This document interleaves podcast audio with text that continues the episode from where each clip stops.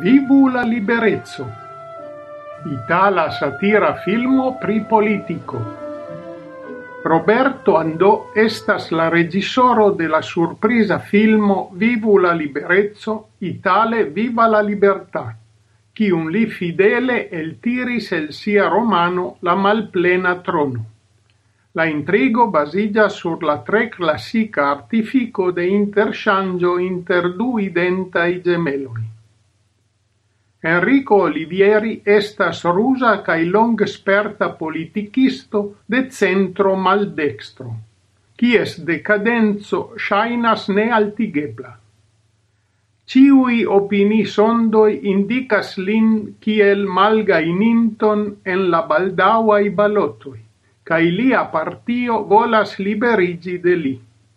Tial li decidas abrupte malaperi, cae incognite veturas al Pariso ce sia malnova pasia amo Daniel, nun etziniginta al fama japana regisoro.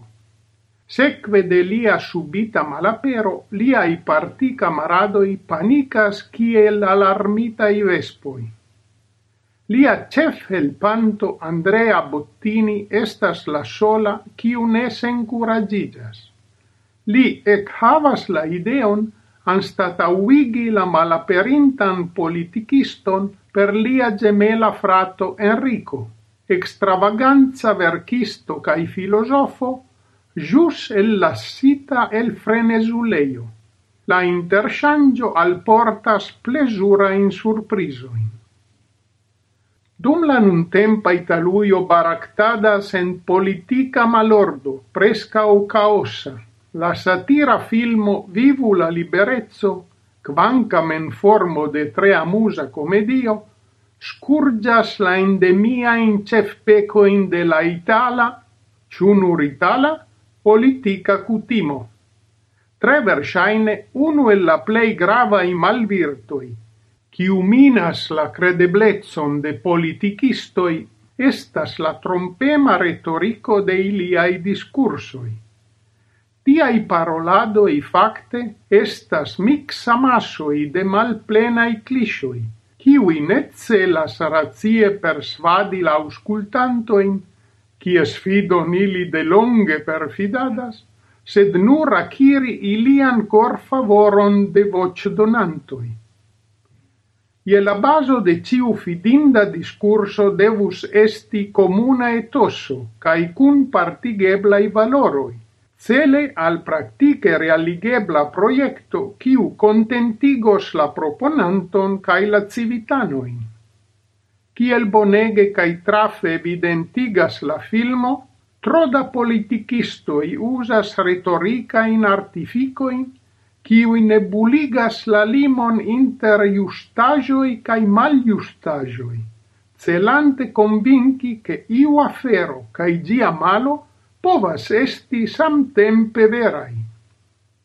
Alia grava difecto de politicistoi estas generala manco de culturo, cae tion la filmo aparte substrecas.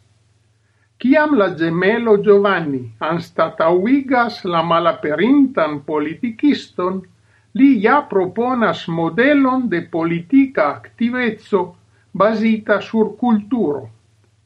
Tia maniere, bedaurinde tio casas nur en la filmo, li creas accordon cae comuniceblezon cun la civitanoi, cae farigas politicisto treege populara en la tuta lando. Li en unu el siai discursoi ec citas lau vorte la poesiajon al hesitanto de Bertolt Brecht. Vi diras, nia situatio malbonigas, la mallumo pliigas, la fortoi malcrescas. Post ciam oni laboris tioma in jaroin, ni nun estas en condicio malpli facila ol ciam oni jus commensis. Cai la malamico frontas contra uni pli forta ol neniam.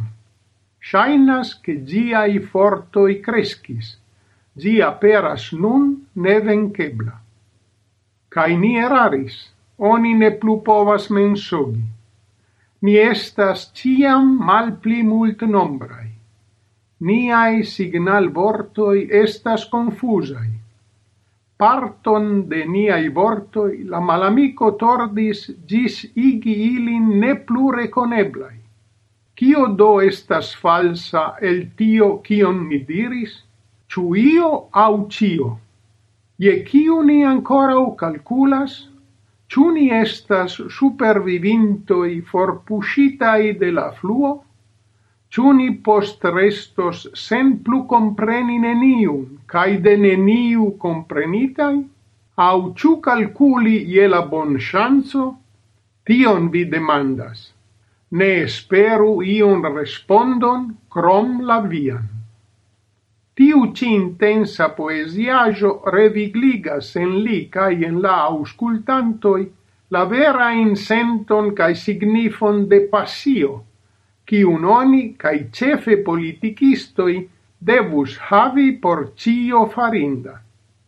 Crom la brila duobla interpreto de la teatra actoro Toni Servillo, rimarcinde anca estas kiel la regisoro usis la uverturon de la forto de la destino de Giuseppe Verdi por musiche substrechi intensa in momentoin de tiu giuebla film.